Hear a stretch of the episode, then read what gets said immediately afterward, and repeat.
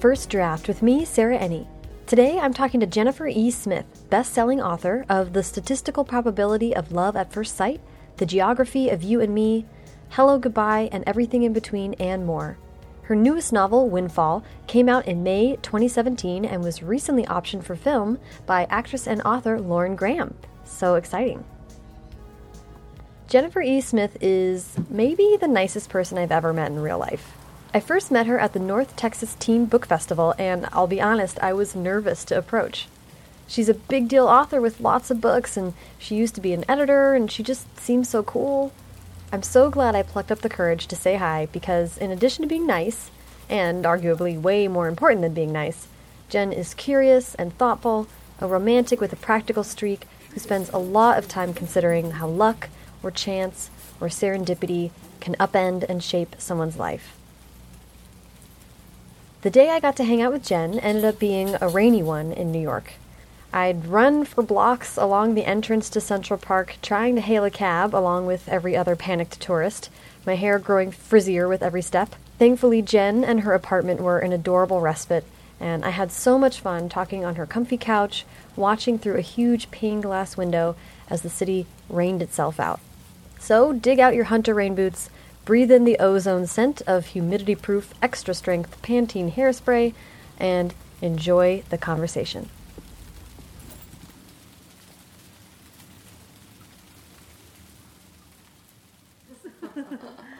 So, Jennifer, hi. Hi, how are you? It's, thanks for having me. Oh my gosh, thank you for having me over to your house. I so appreciate it. We're like, I'm in like the middle of a New York whirlwind, so well, I'm very glad you're here Yeah. on a rainy day in New York. rainy, day- oh, unexpectedly rainy, I will say. I got a little bit. Yeah, didn't see this one coming. I got a little caught in it. um, so on the podcast, we like to start at the very beginning, which is where were you born and raised? I grew up in a suburb of Chicago, um, just uh, 45 minutes north of Chicago, uh, called Lake Forest, and then we moved to a, a little town called Lake Bluff after that. It's a it's a really nice town. It was a it was a lovely place to grow up. It, typical, actually, all the John Hughes films are, are filmed there, so you can sort of get an idea for what Really? what that's like. So growing up, how was reading and writing a part of your life? I was a huge bookworm and I my parents were very encouraging of it. I would always sneak down the stairs and ask for 15 more minutes before lights out and they loved that I was a reader but in a kind of a baffled sort of way. They are not terribly creative and it was you know, they my dad was a lawyer and my mom owned a wallpaper and fabric store and they were very practical. So mm-hmm. they I think they always you know, were a bit tickled by the fact that I was such a big reader. My mom, now that she's retired, she's in like three different book clubs and reads everything. But at the time, she really read, you know, I remember occasionally I'd find like the odd Mary Higgins Clark book lying around, you know, the mm-hmm. mass market paperbacks, but not much more than that.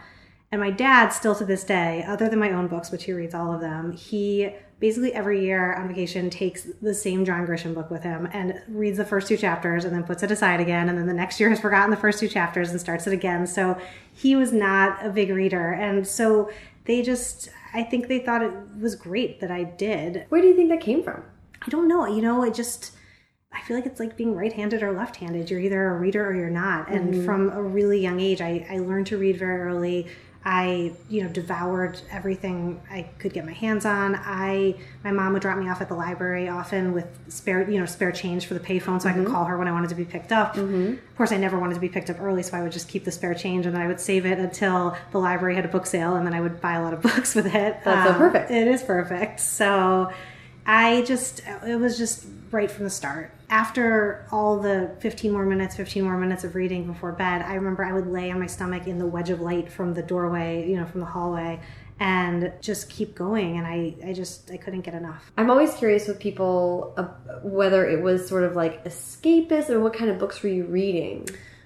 when I was really little, I loved Babysitter's Club and a mm-hmm. lot of series books. I was a real horse kid, so I read a lot of Saddle Club, uh, you know, Misty of Chincoteague, all the Black Stallion books, mm-hmm. really animal books. I loved Where the Red Fern Grows. I mm-hmm. loved Tuck Everlasting, Bridge to Terabithia. It wasn't, I didn't read a lot of fantasy. I read a lot of uh, contem you know i guess it wasn't really probably called contemporary then but i read a lot of realistic fiction so it wasn't it wasn't so much escapist as just i remember just always feeling like thirsty for more and i think there was a real shift from reading I loved, loved, loved Babysitter's Club and Saddle Club and all those books. But I do remember a shift when I started reading Bridge to Terabithia and those types of books where it's not even so much about the story as the language. You get just lost in the book. That was a real revelation to me at the time. That kind of started a whole new era of books. Yeah, yeah. So those kind of like seminal middle grade books kind of set your mind Yes, definitely. off. um, that's amazing. Were you doing any writing? I was when I was in fourth grade. There was this school-wide short story contest that I won, and I wrote this story about a girl and a horse, obviously. And I had no expectations and no thoughts of writing really to that point. I mean, I was what nine or ten, Yeah. but it hadn't really occurred to me that writing might be a thing that I liked. I, I think there's a natural progression from reading to writing at a certain point, but for me, it happened really abruptly with that short story contest. And I won, and because of that, I got to go downstate to the University of Illinois with my parents for a weekend. And we got to listen to writing workshops, we got to meet a bunch of authors, but it was just mind boggling to me the whole thing and we got a gold foil stickers on our stories and from that point on i just carried that thing everywhere with me and it was just a really really big deal for me. So it's not like you won it and you got to read it out loud and hooray, Jen. It was like just a really big deal. yeah it was a big deal. And i and it was it was sort of like a i think it wasn't even school wide i think it was like district wide or mm-hmm. something. And mine just kind of got plucked from the group. And and because of this i truly i would like to think that i would have become a writer at some point anyway. But I would have found my way there, but that really was a huge turning point for me. And from that point on, I, I fancied myself an author. Well, yeah. And also, you know, now I think we take it for granted that kids can, that the authors are visible Mm-hmm. and accessible to kids. But I mean, even when I was growing up, like none of that. Yeah, it was a huge thing to get to meet people and to know that there was a job out there that was writing stories. And that was a mind boggling thing. So that's like, we were going to get to it, but that seems like a hinge moment. Then, Yes, um, yes. Which is really exciting.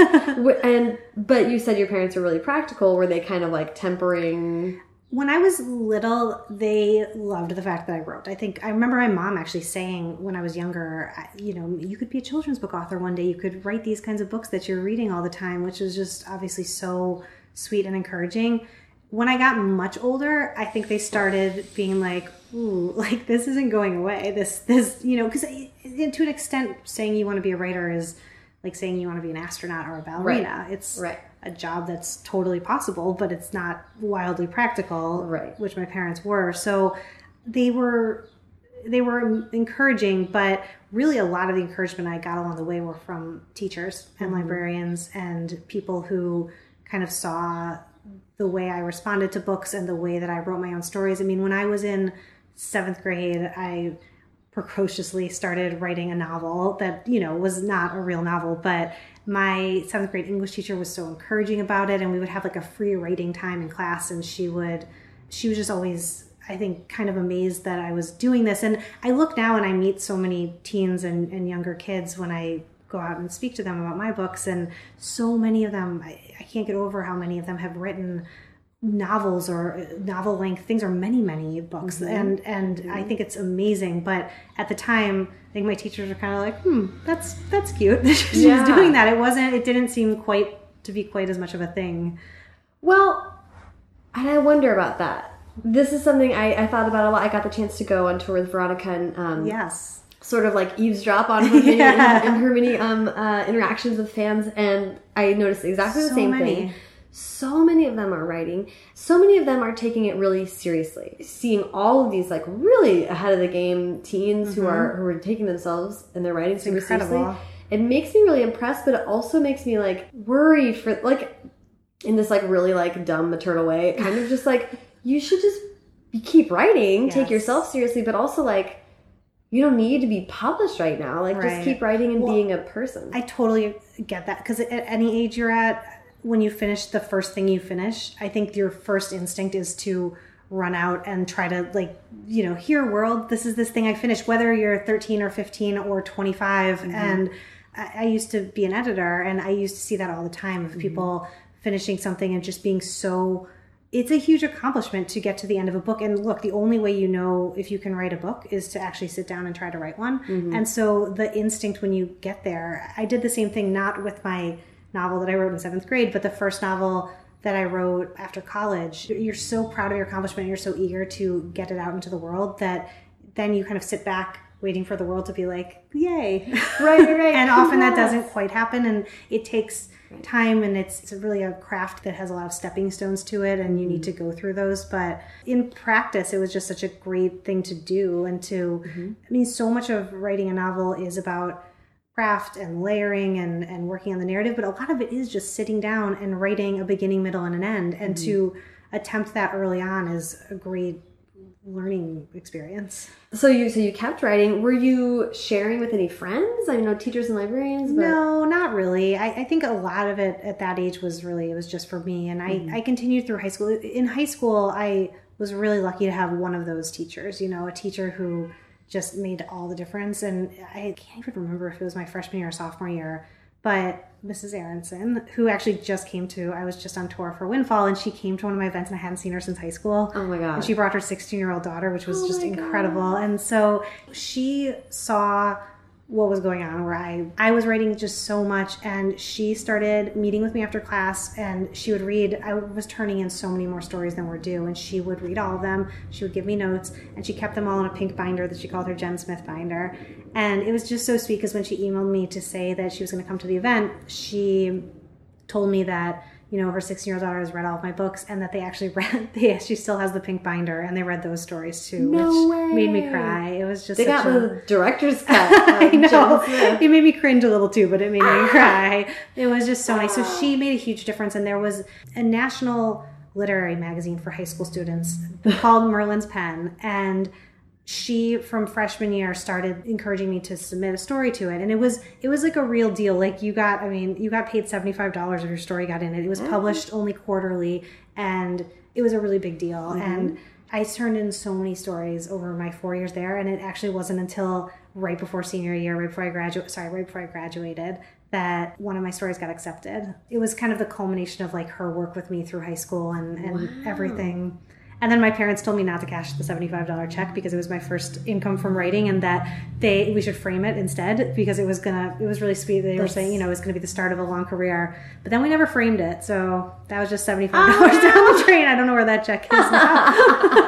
oh no. but it was it was very exciting. it's it's always incredible to me when people discover their passion so early in life. I Mm-hmm. think that's such a gift. Did you? I mean, were you still like author, author, author? I I was writer, writer, writer, which I think mm. is a different thing than author. You know, being a writer is different than being an author. I probably because I grew up with very practical parents, I was always pragmatic about it. I mm-hmm. always knew I'd write no matter what. That was mm-hmm. something that I loved to do and I was passionate about. I didn't expect ever to be an author. Mm-hmm. And when I went to college, I was an English major with a minor in creative writing.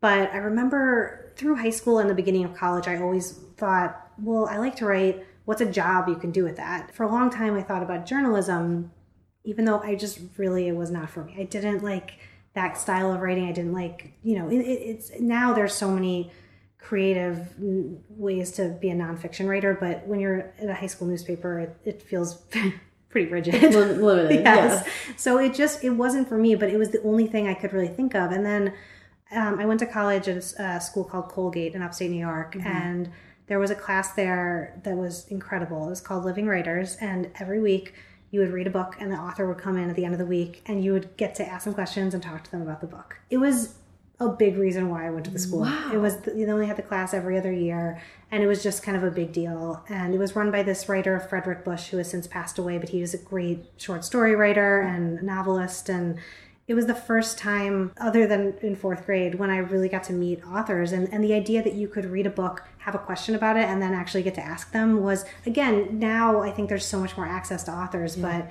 even when I was in college, it just it felt much farther away somehow. And Yeah. I mean, we got to Elizabeth Strout came and Justin Cronin and Ha Jin and all these amazing authors. So it was just incredible anyway. But midway through, they had an agent and an editor from New York come up.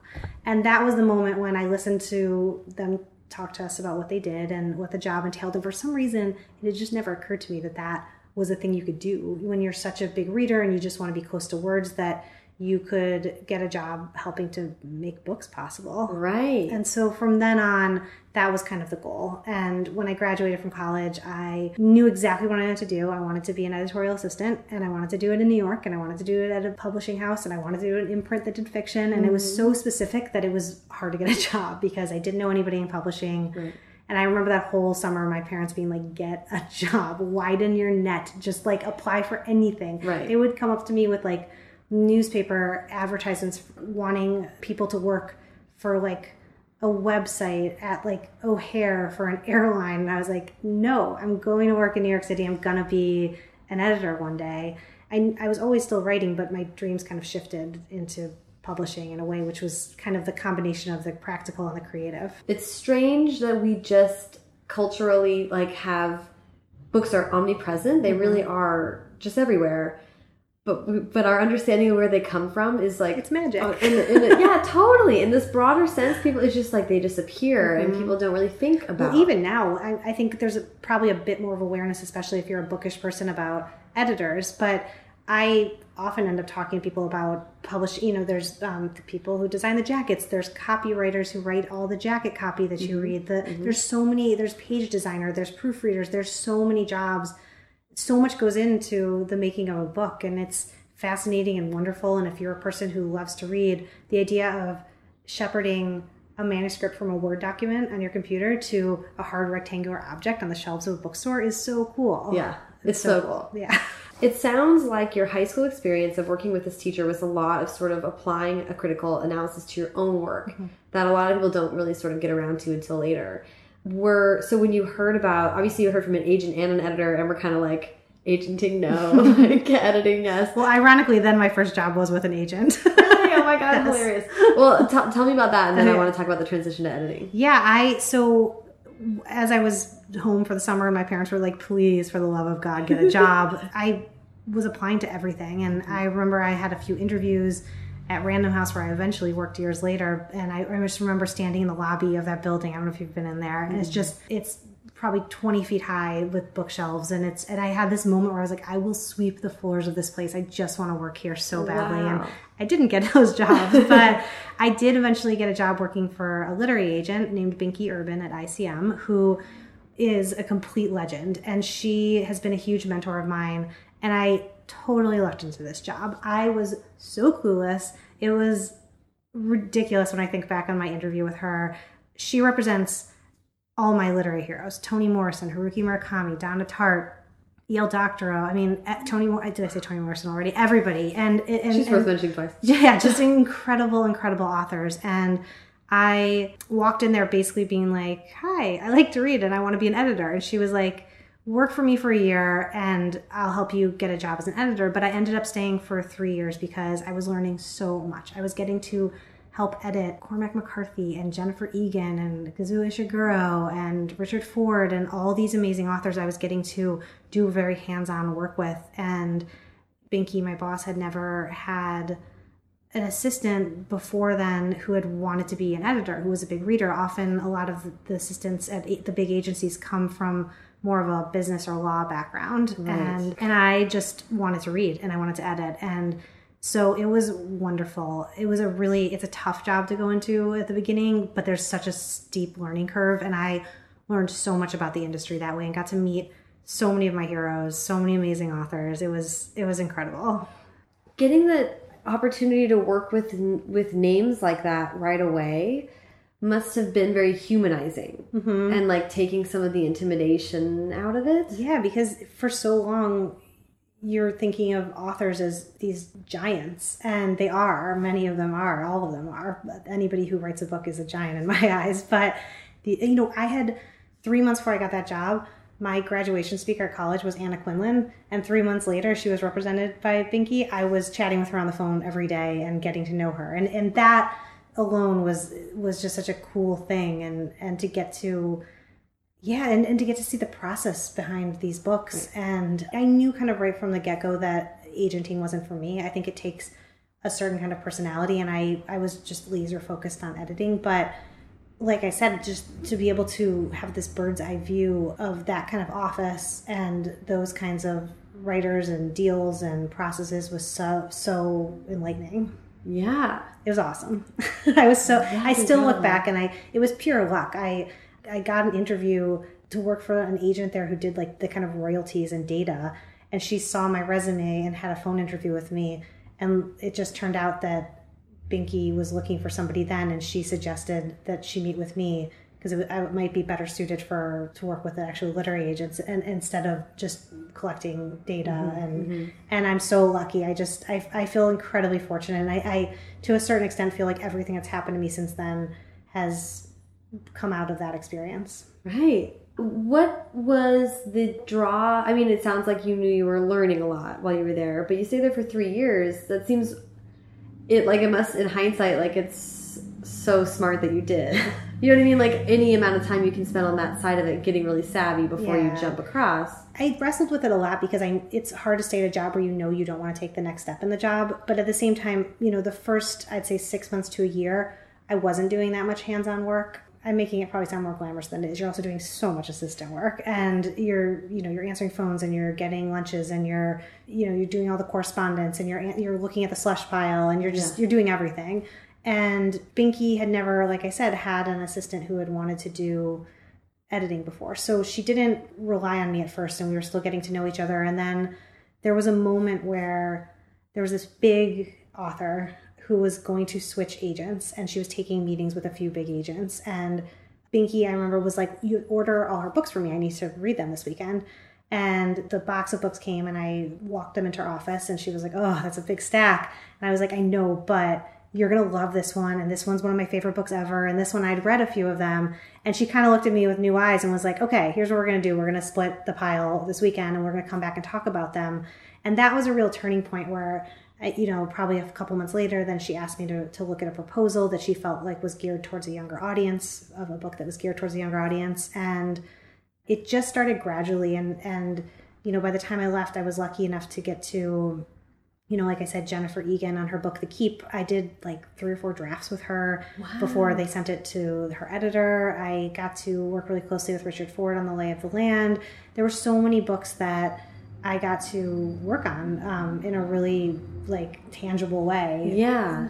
as it progressed. So it was just it became harder and harder to leave because I was becoming more and more involved on a ground level with with the development of these books. Well, you sort of carved out the editorial niche. Yes, yes. particular, you're like, I am the editor. yeah, exactly. And it was really, it was, so I felt like I, the things that I was learning were, were very much transferable when I was going to decide to make the leap eventually. Yeah, and then you knew all about the agenting stuff and how they Yeah. And, and, and then eventually when I did become an editor, it was so nice to have seen that side of the business. And, and then eventually also when I was writing as well, I felt like I always do feel like I've had this 360 degree view of the industry, which is, um, sometimes a little daunting because you almost know too much, but sometimes it's really, really helpful. yeah.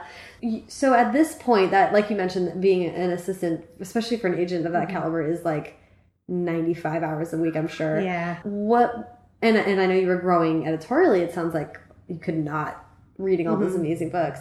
But was were was writing on your own still a thing? I was still writing my own stuff, but I was getting up either very early in the mornings, which didn't always happen because I was in my early 20s in New York City and there were a lot of late nights. But I used to also try to carve out, I used to carve out four hours every Sunday and I would basically just rope those off. And mm-hmm. that was really when I got most of it done. I like to say early mornings because it makes me sound like a busy person do diligent person, but it was really a Sunday afternoons. And I remember even then not necessarily thinking anything would come of it, but just having stories I wanted to tell. And and I look back now and think about how crazy it was because often I had a roommate and we always had friends over and we would everybody would be like hungover on the couch on a Sunday afternoon watching a stupid movie mm-hmm. and I would be like, Okay guys, I'll be in my room, I'm gonna go write for a little bit and they must have looked at me and been like, What what? Like I guess maybe it's like saying you're gonna go knit or saying you're gonna go it's a, it was a hobby and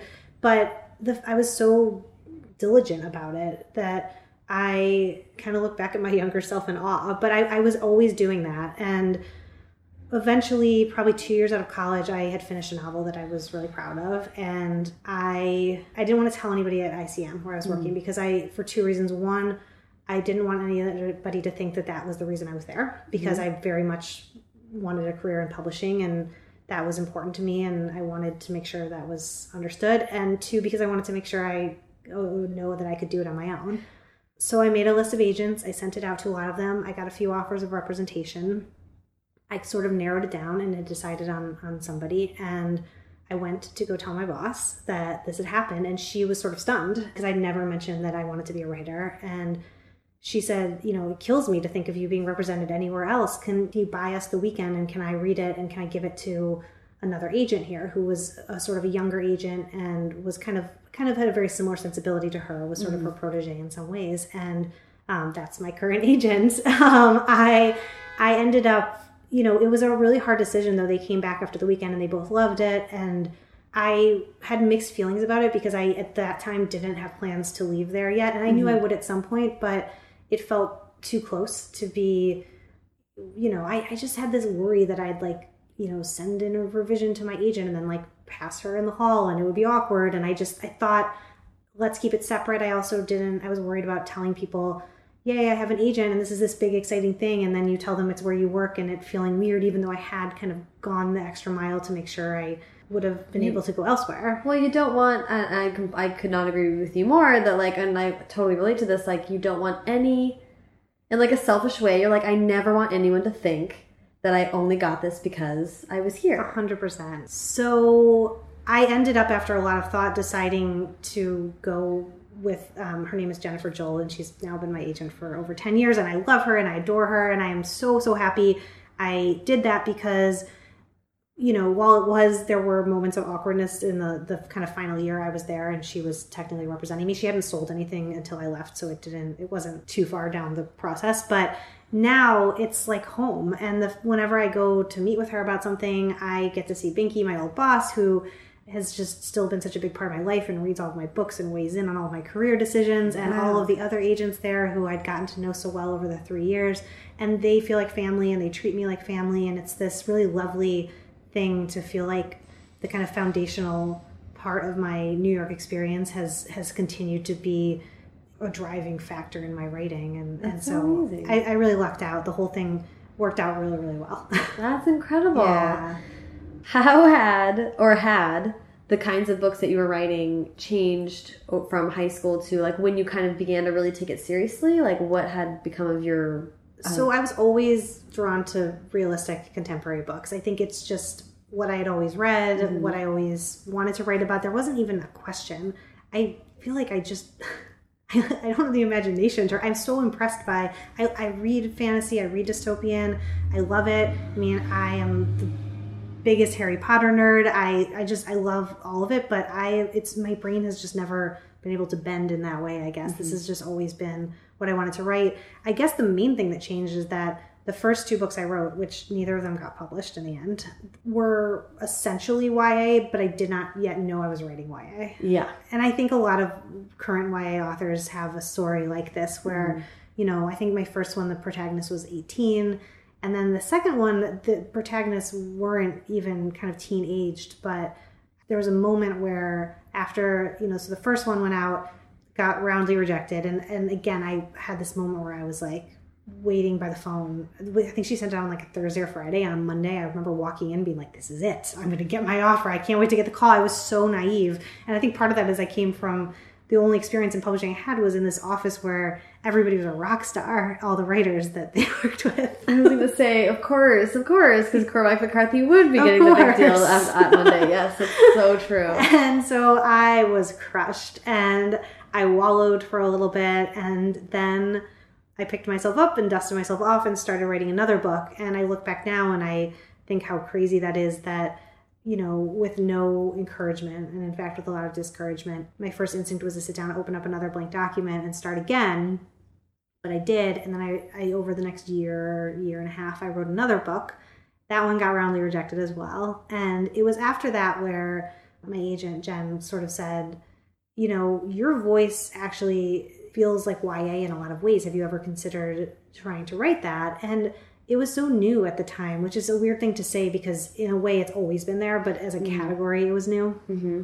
And I went, you know, I think the first thing I did was I just read a lot of YA. I was gonna um, say, had you been reading to that point? I had been you... reading Harry Potter and I'd been reading, you know, mm-hmm. the, the big stuff, but I went and I read everything that was out there. This was, you know, 10 years ago. So mm-hmm. it was kind of, it was like looking for Alaska and Sarah yeah. Dessen and all of these amazing books that had just I'd missed because of my age or my circumstances or for whatever reason. Yeah.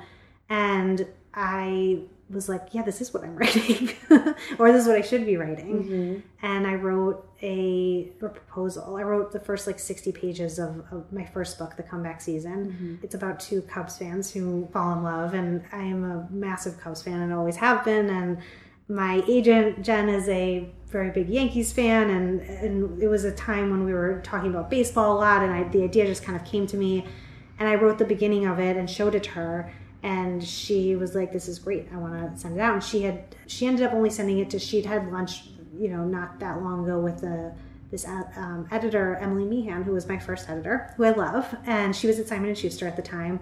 So she only sent it to Emily, who loved it and bought it. And this was actually probably in the last month that I was working for ICM. I had already given my mm. notice. I was going to grad school mm-hmm. um, at mm-hmm. St Andrews in Scotland. I had sort of had this moment where I said, you know, I love New York and I love publishing, but I don't want to wake up in 10 years and never have done anything else. And so I applied. I knew I was going to move. It was time to leave ICM. I was going to try to, to get a job as an editor, but I wanted to take a year in between to just write and to just be completely indulgent with my own work. And, you know, for so many years, it was taking home other people's manuscripts and, and reading other people's books and pouring so much creative energy into that that I wanted to just write on my own. And so I sold the book right before I went to Scotland. I was able to use the advance to pay for grad school. For most of it, it was a small advance. Right. Um, and spent the year at St. Andrews kind of finishing that book and, and writing the very beginning of the next one. Wow. so I actually want to sort of this that's been provoked in me by all these conversations that I've had. Like you said, like you're saying, you're born left-handed or right-handed. it's just the truth over and over and over again with writers that you'll look back and you'll be like, well, I don't know. I just spent every Saturday Yeah. like for no reason, you know, like I mean, it, or certain no like Because it could so- it present s- reason. Right. It could so easily turn out to be nothing. You know, it could be, it could, could, uh, a, friend of mine was recently talking about this with another creative profession that you can look back on it and it could either be, look back at it as, as stepping stones to where you are now or as time that was just went up in smoke that you Right. you know you just don't but you don't know at the time you're just doing it because you love to do it and there's some kind of it's like you have this like internal barometer that's just you know pushing you towards it Yeah. It's a very like mysterious thing to me and this like kind of beautiful odd thing that most especially when we're teens and it's like you're sort of brave in these crazy ways, you know? And I look back at stuff that I spent hours on in high school and all of those things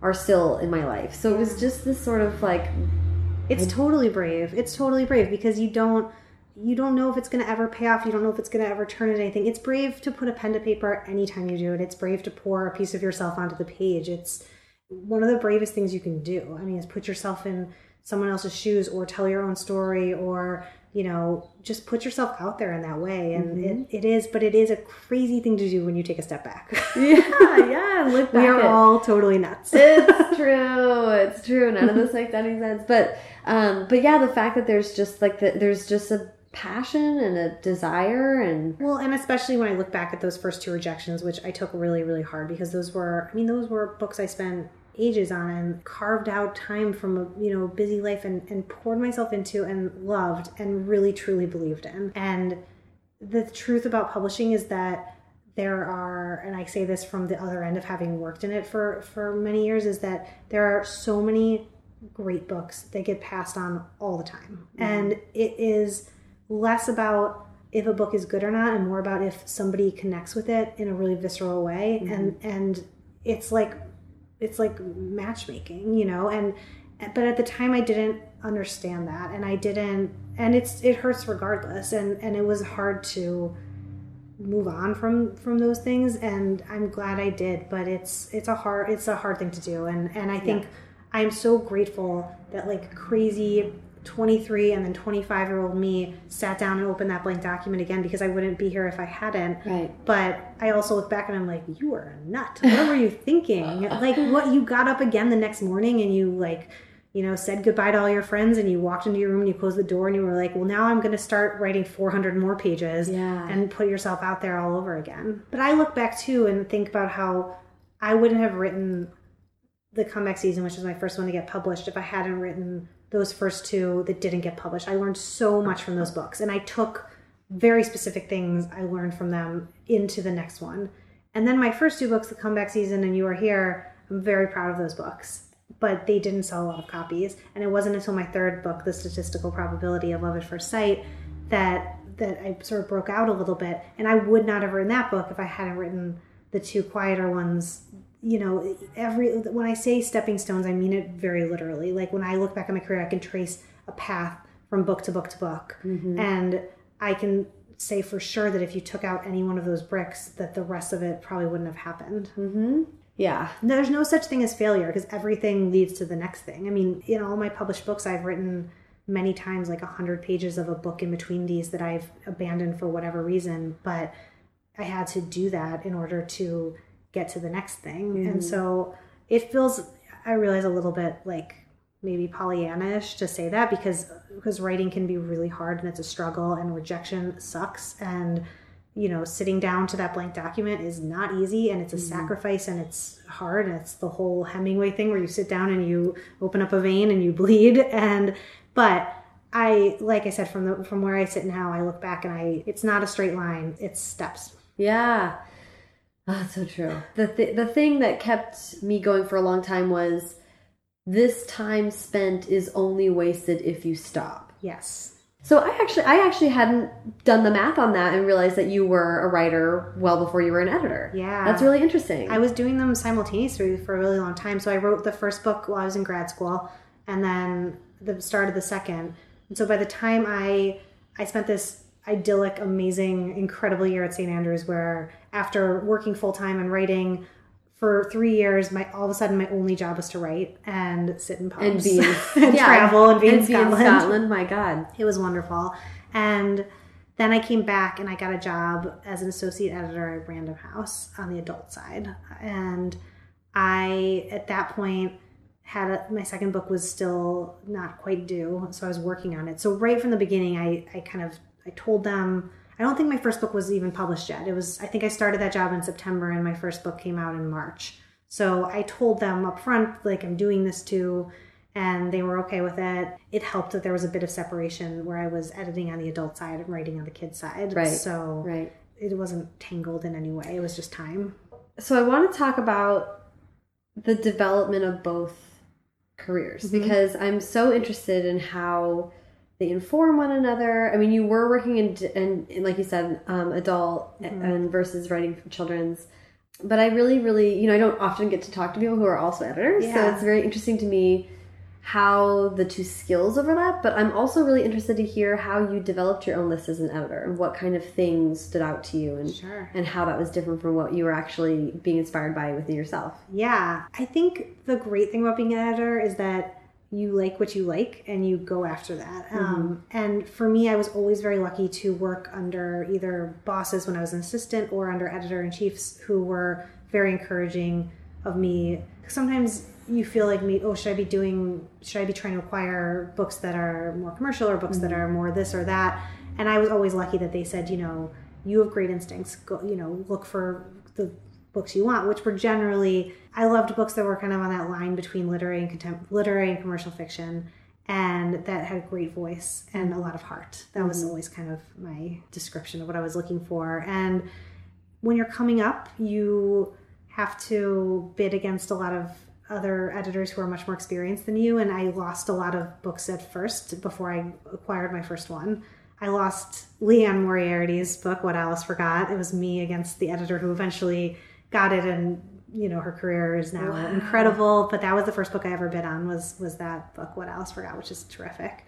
And eventually, the first book I bought, uh, it kind of comes full circle, was from Binky Urban and my first boss. And it was it was I was very lucky in that way because she knew me and she thought I was a great editor and she trusted me in a way that agents who, you know, I was trying to get a lunch with so that they would send me their stuff didn't know me. Right. And so she sent me a book called The Privileges by Jonathan Dee, which was the first book I ever acquired, which I love more than I can say, and everyone should read it. It's amazing. Uh, I'm not biased at all. um, and it went on to, it was a finalist for the Pulitzer Prize. So it was a huge, big deal for me as an editor. I'm so proud to have been involved with that book, and it was a great kind of, um, you know, toehold into doing more. Yeah. So I'm sort of like you're giving me a challenge here. I'm trying to like figure out how to talk about both at once, but but the, because this is so fascinating because I know that they I mean, you're really living dual lives. Mm-hmm. Like helping an author realize their vision yeah. is so different from working on. I mean, I, would love to just hear how, if there's any like specific um, examples of this that you can give us about how you relayed what you learned helping other authors to how you grew your own career and thought about your own work.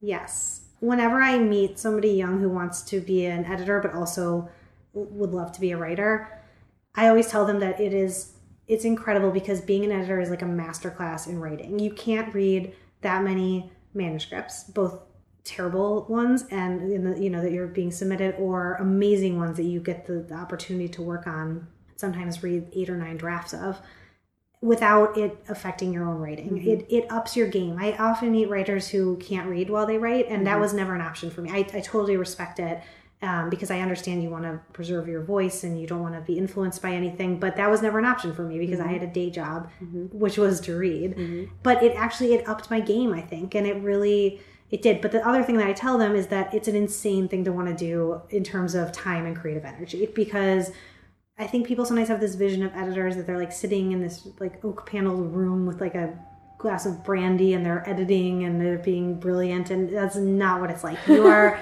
in meetings you are running around you're taking phone calls you're doing emails and you take all the writing oh sorry all the reading and editing home with you mm-hmm.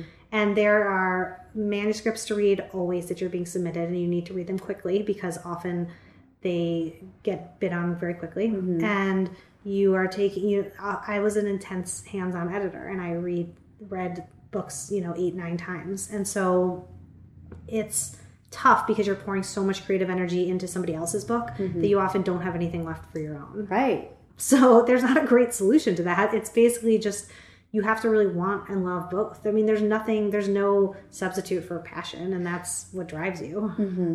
I am undoubtedly a better writer for having been an editor, mm-hmm. and I'm undoubtedly a better editor for having been a writer. Mm-hmm. But it, it was a challenge to balance them. And they, as my writing career kind of broadened and, and I was doing more travel and I was having to try you know hit more deadlines. They were very understanding with me and they let me kind of work from home a lot and have a bit of a flexible schedule and that really helped but it's still so there are days when it feels like that well of creative energy is is finite.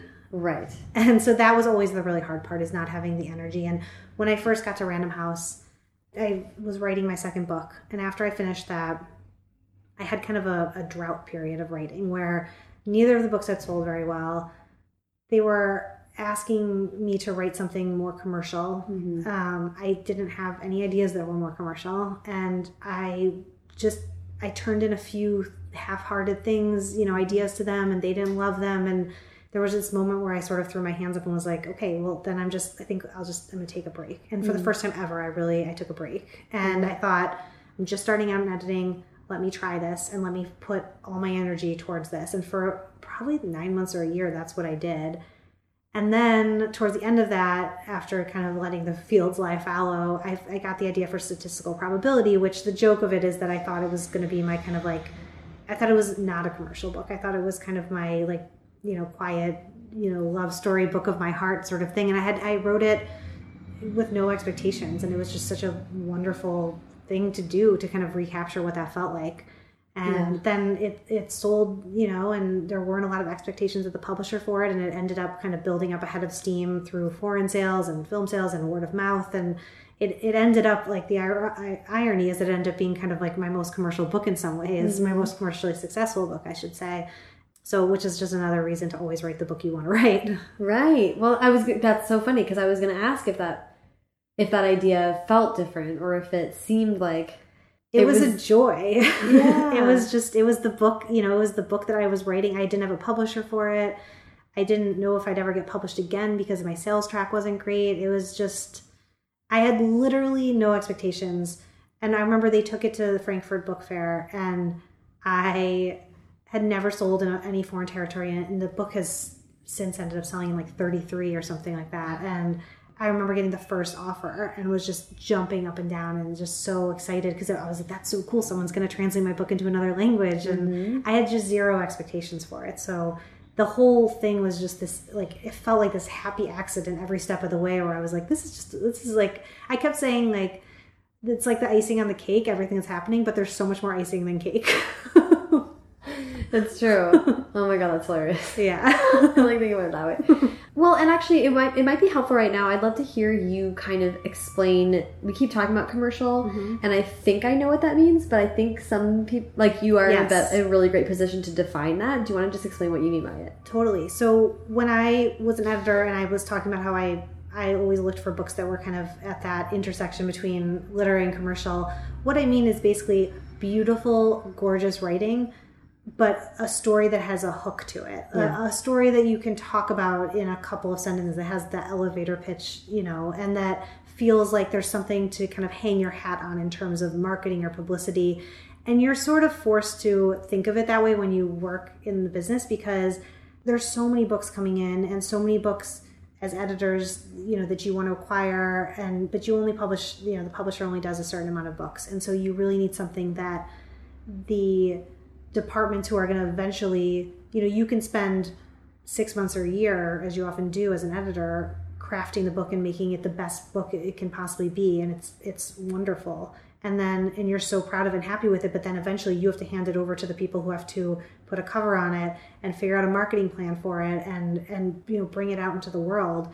And so the more you can kind of give them to work with. I think one of you know one of the the best examples in the first huge book i ever acquired as an editor was called the language of flowers. And it was this book that was just gorgeous like beautiful beautiful writing. And then in this amazing story and, and part of the story had to do with the victorian language of flowers and it was about a girl who'd grown up in a foster care and how she she didn't speak and she kind of spoke through flowers. And it was just it was this like amazing i'm not pitching it that well right now but it was this amazing pitch that everybody felt like they could like really sell. And so that was the way that i used to kind of think about it as an editor. And that definitely seeped into my writing a bit too i think without even me realizing it. Yeah. i think statistical probability was the first kind of more high concept book i'd written. I did that unconsciously. It was just uh, uh, the idea popped in my head. And i like i said i just like went away and was writing this book that i wasn't sure what would ever come of it. Right. but when i look back now i can see uh, why that idea was different than my first two books Because the the commercial part of it is this plane flight. Yeah, it's Right. you know a girl misses her plane by four minutes, and because of that, she ends up, you know, she's on her way to her father's wedding to a woman she's never met before, and because she misses the plane, she ends up sitting next to this boy who's on his way to London for another reason, and and the whole idea is that they both meet each other at the moment they most need to be meeting each other, but mm-hmm. it's all about kind of like imagine what would have happened if you hadn't missed the plane by four minutes. The truth is, you're not writing in a vacuum. You can write in a vacuum if you want to, but if you're writing to want to be published, part of being published is, is finding an audience, and that's there's there are ways to help that along. And I, I remember very clearly saying to my agent very early on about one of the books that didn't get published, which is probably the reason it didn't. I remember saying to her, I would rather write a beautiful sentence than a great plot. And she was like, Well, you need to do both. and I am not a plotter. I don't plot out my books. I have a hard time with writing something very commercial. But I think there was a shift that happened to me when I started sitting in editorial meetings mm-hmm. once a week and listening to all the books that people brought up that they wanted to acquire. And this is like if every editor is bringing, say, one book to the editorial meeting that they love out of hundreds of things they've mm-hmm. read, and then you think of all those books they're bringing up, only maybe like one or two of them is going to get through, and then of one or two that get through, that's one of however many books on that season's list. And I just started seeing like, well, you know, you need a way to talk about the book in order to get other people interested in reading it because that's the whole point of all this. And so I do think sometimes people use commercial in a, you know, in a slightly like derogatory way and it's not. It's um you know, and by the way, if you want to write a blatantly commercial book, that's awesome too. There's no wrong answer here. Mm-hmm. It's every, you know, everybody's writing what they're passionate about and that's what makes it so cool. There again, there's no right way to do it. There's no wrong way to do it. It's you kind of have to write the book you want to write, which is the best advice I've ever gotten. An author friend of mine once said I was struggling with this when, when I was in that kind of like one year period where I mm-hmm. wasn't sure I was ever going to publish again. And he said, and I was trying to do all these these kind of more buzzy pitches, and he was like, "You got to write the book you want to write." And it's so simple, but I think that all the time. And when you can see somebody's put their heart into it, and there's talent, and there's it, it almost doesn't matter what it is. I, I'm a firm believer, having worked in the industry for a long time, that the right book finds the right editor, that the good stuff floats to the top, you know, and that every every you know, it's it's a business where there's a lot of luck and it's a lot about timing and there's a lot of injustices in the way mm-hmm. The industry has been set up for sure. There's a lot of problems with it, but I'm an optimist. You know, it's probably evident by the books I write, but I'm a big believer that the right book will find the right editor. It has to, right? Yeah, well, I love that. And and that's I'm with you. I was just uh, Maureen Goo and I were talking about how optimism seems to be more efficient and useful than negativity, yes. and that's that's like sort of an, an optimistic realism. Yeah, is um, it seems to me like an easier, more useful way to get through life yeah. than like believing in regrets. You know, mm-hmm. I, I don't know. I'm with you guys. yeah, good. Um, uh, so, uh, and I love that you really allowed yourself this fallow period. I mean, mm-hmm. that's pretty brave as well to say, like, I don't know if that was brave. That was kind of like end of my rope. Okay, I'm just gonna, I've got these two things going on, and this one's clearly not working, and it's mm. clearly not going anywhere, so I'm just gonna focus on the one but not and then this is like the second interview within however many weeks that I've had someone say like nine months. Yeah, like and maybe just, that's the magic. Yeah, it's like one school year, you know. It's, yeah, like, exactly. it's like a Hogwarts year. You're like, I need to just like take a back seat and be Lavender Brown on this one. um, and then it kind of is is renewal. It's all about like input for a little bit. Yeah. Well, I think this is a career where there are setbacks, both big and small, throughout, and often the response to a big setback is to say all this time and energy and hope honestly the, that's what hurts almost more than the time and energy is all the hope you put into it. And then you know that gets crushed um, is to, to there's only so many times at least for me that i can like um you know you know those like punching bag things that like bop right back up? Yeah. So you can do that a few times but sometimes you just need to like collect yourself and lay on the floor for a second. And so i think that's what was the case with me is that i it hurts after a little while and and uh, you know if you want to be a real writer you of course have to have a thick skin and you have to have rejection but we're also thin-skinned people who have feelings and pride and mm. um, so i just i i never thought i was going to give it up forever but i just needed to take a beat for me ideas are also very hard mm. i once i have an idea i can write pretty straight through but not always actually that's a total lie. Um, but it's it's easier once i know what i'm writing and i always similar to maggie can only focus on one idea at a time and when i finish that there's always a period of panic where i'm like oh my god i have no other ideas. I'm never going to think of another idea again. So sometimes that lasts a month or two sometimes in that case it lasted you know nine months or a year. So i think because it lasted longer and because i was coming into it on the heels of some rejection it was a, I was having a moment. Yeah, right, I'm glad I pulled out of the out of that. out of the moment. yes. You you put in a lot of time in editing, and you sort of build up this like this this kind of world around that. Yes.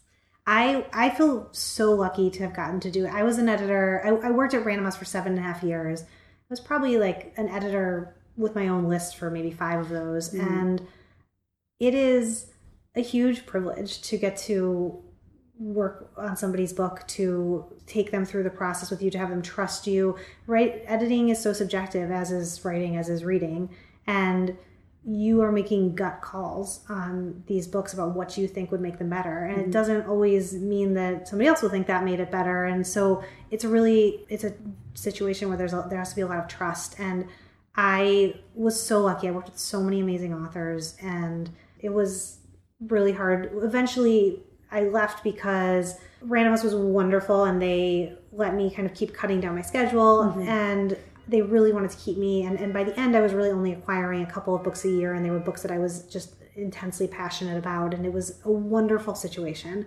But what kind of happened was that I started feeling guilty too often where I if I was editing, I was worried about that I wasn't spending enough time on my own writing or my own deadline. And if I was writing, I would constantly be like, ah, I should check my email in case an author needs me. Or they didn't put pressure on me, neither my authors, nor my bosses, nor my editors or publishers for my own stuff. But it just, I kind of got tired of always feeling like I wasn't doing either one at 100%. And I wanted to see what it would be like to throw myself wholeheartedly into one career instead of always being of two places at once. Yeah, it's that Ron Swanson quote, right? The whole ass one thing. yes, exactly. I wanted the whole ass one thing. Yeah. when I left, they asked if I wanted to take keep any authors and work freelance, and I I only stayed with I only kept one, um, Lauren Graham, who's wonderful and a, a fantastic writer, and um, it's been really great to be able to still have a toe in the water Mm-hmm. and to still continue to work with her. And she comes from an industry where people wear all sorts of different hats. So I think it was never odd to her at all that I, I wrote as well. And um, so that's made that kind of editorial relationship very easy. And so when she still sends me work, it, I feel that spark of, of excitement to edit something and to dig in and to use that part of my brain. Yeah. And I do miss it. So, you know, who knows what'll happen down the road. But for now, I'm, I'm very happy to be writing full time, but I do miss that, that chapter. But you do, I mean, you said in several interviews that you focus on hinge moments. Do you want to just talk about what that means to you? Yeah, I'm kind of obsessed with these moments in time that act as hinges, um, you know, days where there's a really clear split between a before and an after, where yesterday your life was one way and tomorrow your life will be totally different. And so, you know, in statistical probability, it's meeting this person on a plane and this is what happy looks like. It's an email goes astray and sets a lot of events into motion. Geography and you and me, it's a blackout in New York City, and um, she meets a, a boy in the elevator because of that. And hello, goodbye, and everything between is the night before college, which of course is like such a hinge moment. I mean, you know, you're you're literally entering a different life from the from everything you've known. And then windfall, of course, is winning the lottery, which I'm not sure anything captures that quite so well. Would, um, before we talk about Windfall too much explicitly, do you want to give the little pitch for it? Um, yeah, Windfall. So it's it's basically the story of a girl named Alice who has been in love with her best friend Teddy for years, and on his 18th birthday, sort of as a joke, she buys him a lottery ticket, and he ends up winning 140 million dollars, which of course changes everything. And and they'd kind of been on the brink of something happening the night before, and then they wake up and everything's different.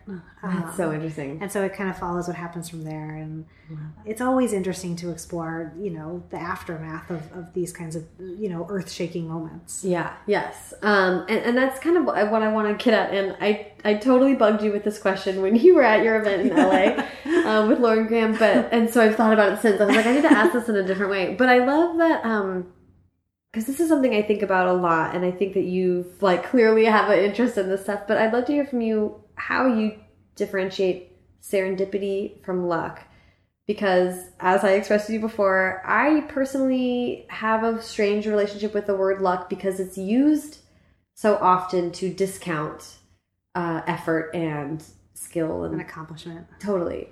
Um, and and I think seren- I mean serendipity is this other thing, and you're kind of at uh, you kind of dance with both of them a little bit. Yeah, it's it's. I've thought about actually that question a lot since you asked it. It was a really good question. Oh, It- it still is. um, and I'm just as guilty as anybody of kind of chalking things up to luck. Oftentimes, I mean, I think I've probably used that word ten times in this interview talking about my career path. And so it goes. It's a hard. It's hard because yes, like there are things in life that happen because of will and there are things that happen because of outside circumstances. And often in my novels it's outside circumstances that play a big role. And i want i always want to i think it's actually a weakness of mine as a writer that i grow very fond of my characters and i don't i have a hard time writing bad guys essentially. I like to write about situations that arise from something external happening Oh, I see what you're saying. Yeah, yeah, yeah. It's rather than writing Darth Vader, it's like Yes. the lottery. Exactly. like something kind of, you know,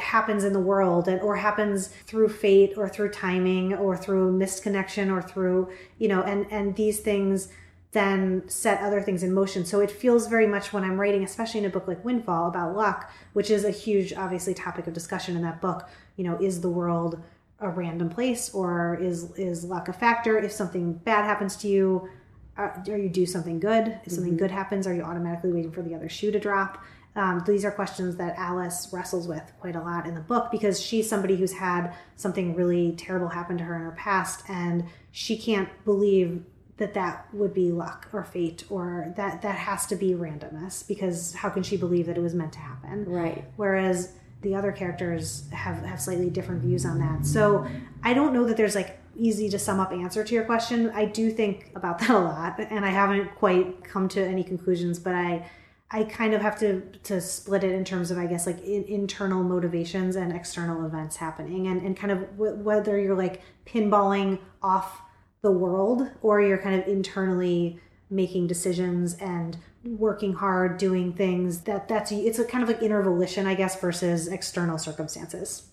The uh, I, I and I really just love this concept of you dealing with people who are constantly wondering like if this small thing hadn't happened. The the what if questions they feel so um particularly poignant for a teenager right because it's like sort of the first time mm-hmm. i remember get starting to get those letters from colleges and being like it's the it was the first time where i had like whole doors to yes. potential futures just shut. Yeah. Through nothing that I could have had any control over. Yeah. And it was really wrenching. Yeah. I mean, I, I think I say something in the book similar, like, you know, if you, they're talking about choosing colleges and they're, you know, they say, if you choose one thing, your life goes one direction. If you choose, the, you know, the next one, it goes another. And that is in every possible way. You know, if you'd gone, like, you think back if you'd gone to a different college, you'd have a whole different set of friends. You might have had a different boyfriend. You might have a different girlfriend. You, like anything, anything could have been different. And I've, I've always been obsessed with that kind of sliding doors uh, mm-hmm. uh, feel to things. So it's it's totally fascinating to explore. And I come back to that theme in various ways. I think because I'm endlessly fascinated in my own life. I mean, I this I believe in the, in stuff happening for a reason. I believe. I mean, I I once was in um a crazy situation with kind of a, a, big i was in an earthquake and it was this, this massive earthquake in new zealand with my sister and there were very distinct things like if we had we were thinking of going into uh, the cathedral and then we decided to go to lunch and if we hadn't done this the cathedral collapsed and if we went at lunch we were going to sit inside and then we decided to sit outside at the last minute because we saw that there were heat lamps and if we'd sat inside like the roof of the restaurant you know there were all these kind of moments where you know you see and, that's obviously a very intense example of it. it. It was life and death, literally. Yeah. But you see, like, if you go left, this happens. If you go right, this happens. And it's this weird choose your own adventure thing. And I am fascinated with that because there are so many iterations of that in story and in life and in circumstance. And I never tire of exploring that sort of theme. I'm interested in how that works with you being an optimist. Yeah, yeah, And this is just, I'm like, I feel like you and I are just having this very, I'm like with you on the optimist thing. Yeah. And then when you start talking about fate, I also believe that things happen for a reason, but I think that the reason is that we make narrative sense of our own lives. Mm -hmm. So, like, the things that happen are happen for a reason because you choose to take away from it lessons and you move you yes, know what i mean you, yes. you make it i actually agree with that there's almost a snowball effect like you you gain something at every you know choose your door right. um, and you you carry that with you i mean that this is what I think I mean I think you can be both an optimist and a believer in fate. It's interesting. I've, I thought of so many different iterations of this because in the book, Alice's cousin Leo, who she lives with because um, her parents she she won the worst lottery possible. Her parents died when when they were a year a year apart from each other when she was little. And because of that she believes the world is a random place whereas leo has never had anything truly truly bad happen to him. And he's had challenges and he's had you know setbacks but he's never had anything truly awful happen. Mm-hmm. and because of that he feels like he's always kind of like waiting for something terrible to happen. And then you have Teddy who wins the lottery, who's had also really a, a, tough time in certain ways in life and he's like well this happened and i'm do something good and so to take these three characters who have very different worldviews mm-hmm. and to play them off each other in this extreme situation of you know something like literally money falling out of the sky right. was what made me think really hard about all these questions and i don't have answers to all of them but and i think maybe that's why i keep coming back to it because i still don't have the answers but it's endlessly interesting to me yeah well and here is an impossible to answer question for you. um, I, one of the things that has been most interesting throughout all these conversations is that some people are energized by exploring similar themes consistently in their work. I certainly love it when I look at an author's work and I feel like I know what some of the things are that they're going to grapple with. I think I I'm, I like finding themes throughout people's work and all that stuff. But then I've had a few writers say that they feel like consistently going back to the same things in their work makes them feel like they're like it stunts them as writers or mm-hmm. something. Yeah. Where do you land on that? I think that every time I set out to write a book that is strays very far from the themes that I'm most fascinated by, my subconscious pops up and somehow they're there again. And it's it's it's not a bad thing, but it's it's um, sometimes I feel like it happens almost against my will. Like I, I thinking like this is going to be about something totally different, and then it, it turns out you know it can be both different and have a core to it that asks some of these same big questions and if you're talking about like the big life questions there's you know like a finite amount of questions and an infinite amount of stories that try to answer those questions Yeah.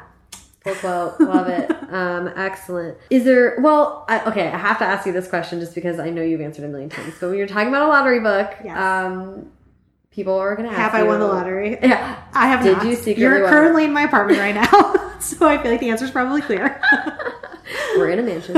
um, there's a pool. Uh, Yes. but, uh, ha- have you been preoccupied with the idea of a lottery? I had never played the lottery before I won this book. I, I won this book. Oh my Oh. god, slip of the tongue. Love that. Um, before I wrote this book, uh, I had played scratch offs in college, you know, and I think the first time a friend ever, you know, was like, "Here, you do play scratch offs," and I won like forty bucks, and I was like, "Well, this is easy," and then I never won again. So um, I hadn't really played, and then shortly after I sold the book, tr- I played the numbers from the book um, and the Powerball, and did not win. but I have wanted to write a lottery book for a really long time just because I do think it's it's one of those kind of moments of great change. And I just I thought it would be really interesting. And I've been thinking about the lottery so much since I wrote this. And it's you know first of all I did a lot of research into young lottery winners. And I I think the more you read about it the more you actually don't really want to win the lottery. In the book Alice is Teddy offers Alice half the money because she bought him the ticket. And she it's not too much of a spoiler because it's early on. And she says she um, she doesn't want it because her life has already changed in a major way once. And I think for a lot of readers, that's hard to understand. For me, it was very easy to understand. Like, I do not know. I think there's like, there's gradations of winning the lottery, and, and it would be nice to have some extra money. But the kind of massive, you know, fortune really throws a wrench in your life. And and i think some people use it to be a force for good certainly but a lot of people it, it actually like kind of clobbers them. But it's been interesting to think about and, and one of the huge bonuses of this book uh, has been of writing this book has been getting to talk to teens especially but everybody about what they would do. And it cracks me up because they people know what they would do like down to the dollar. Like some people will be like, "Yep, I would spend an eighth of it on this, and I would spend an eighth of it on that," and like they know Wow. exactly. And they're like, "I would first pay off this, and then I would put it in this account, and then I would put this in this account." But talking to teens, especially, they are so generous and big-hearted, and it is honestly that this rocky moment of the world and the country is is restored a lot of faith for me because I um I was like giving away galleys a few months ago and I just threw out the question kind of not even thinking about what I'd get back and I just said, you know, on Twitter like to answer just or to enter just tell me what you would do if you won the lottery and the the answers were unbelievably wonderful. They were all wanted to help their parents because they'd helped them so much. They wanted to um, build libraries and give to charity and start foundations and save animals. And it was so heartening to read that. And it really, it made me wish that more young people won. And it made me wish that more of um, the types of people who follow me on Twitter, which are to say nice, big-hearted, bookish people won. Um, Yeah. And it just, it was, it's a really lovely thing to think about all the good you could do. And there's a big theme in the book that has to do with charity and volunteering and, and random acts of kindness. And those are things that have always been important to me. And it was really fun to write about them and to hear what other people do and, and you know whether you have a jackpot or not like ways to put kind of goodness out into the world so that's been a really wonderful side effect of this book That's so great. Yeah. What a cool way to fill your Twitter feed with Yeah. like, awesome i stuff. know it's really nice That's the best. yes Do you want to do advice? There's one, Sure. one la- last little thing. Yeah. Um, I'd love to hear his advice as a writer and as an editor. Like, I know this has been said many, many times, but read, read, read. Part of the reason why editing was so helpful to me as a writer is because uh, that was my job. And the more you read, the more you get a sense of rhythm, you know, get a sense of, of what you look for in narrative, what keeps you turning the pages, what clicks for you. And then, kind of what I was talking about before is um, nothing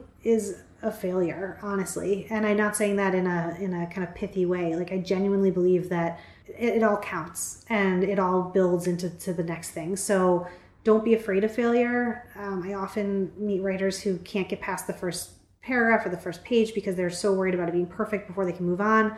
Don't worry about being perfect. A first draft is a celebration of all that can go wrong on the page. just do it, just write it and, you know, if that's not your book, the next one might be the one that hits, but you will have learned so much from writing that one that the next one will, will maybe be the one. It's like an iceberg. Mm-hmm. I think it's this useful Completely. way to think about even a particular book. Yes. But certainly a whole career. It's like, this is the whole Instagram thing or whatever, social yes. media thing, right? It's like, don't compare what's compare. over the surface. Comparison is the thief of joy. Do not compare. It's yeah. hard not to in this world, but you're right. You're right. Like, you don't see all that goes into it that's below the surface of the water. Yeah. You only see the kind of shiny top of it all. Yeah. You don't um, see the um, 400,000 words yeah. in the deleted document. And you don't see the failed manuscripts in the drawer and you don't see the book that, you know, you abandoned at 100 pages because it just wasn't working. It took you 100 pages to figure it out. Yeah. It happens a lot. It happens to me. It happens to every writer I know. So just write boldly, write bravely, you know, write because you love it because there's no other real reason to do it. That's the core of it. Yay, what wonderful advice. Thank you so much. Thank Jen. you again. So Happy fun. writing, everybody. Yay.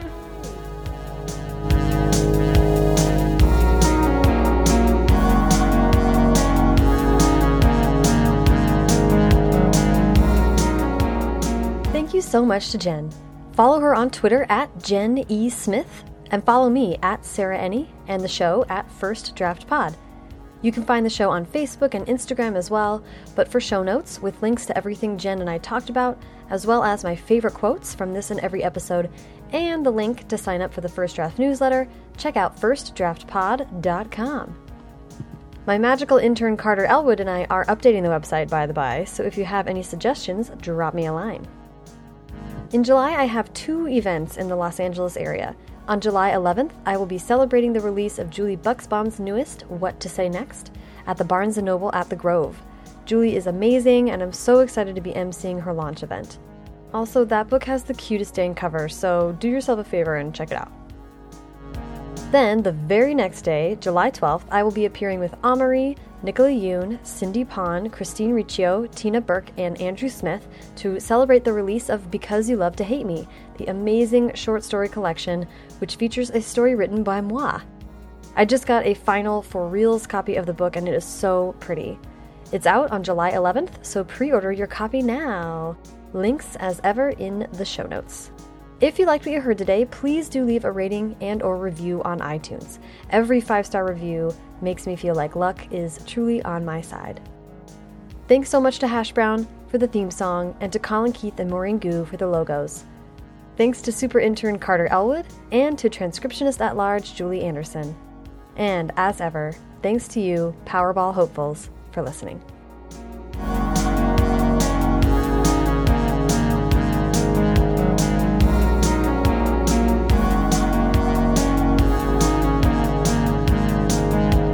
Although maybe that. one of these days I'll just write a Darth Vader character Ooh, in one of these books. a, a, Jen Smith book with Darth Vader would be. I don't know if I could cool. get it all the way. I feel like it would be a pretty mellow Darth. ah, I, I actually I would love that too.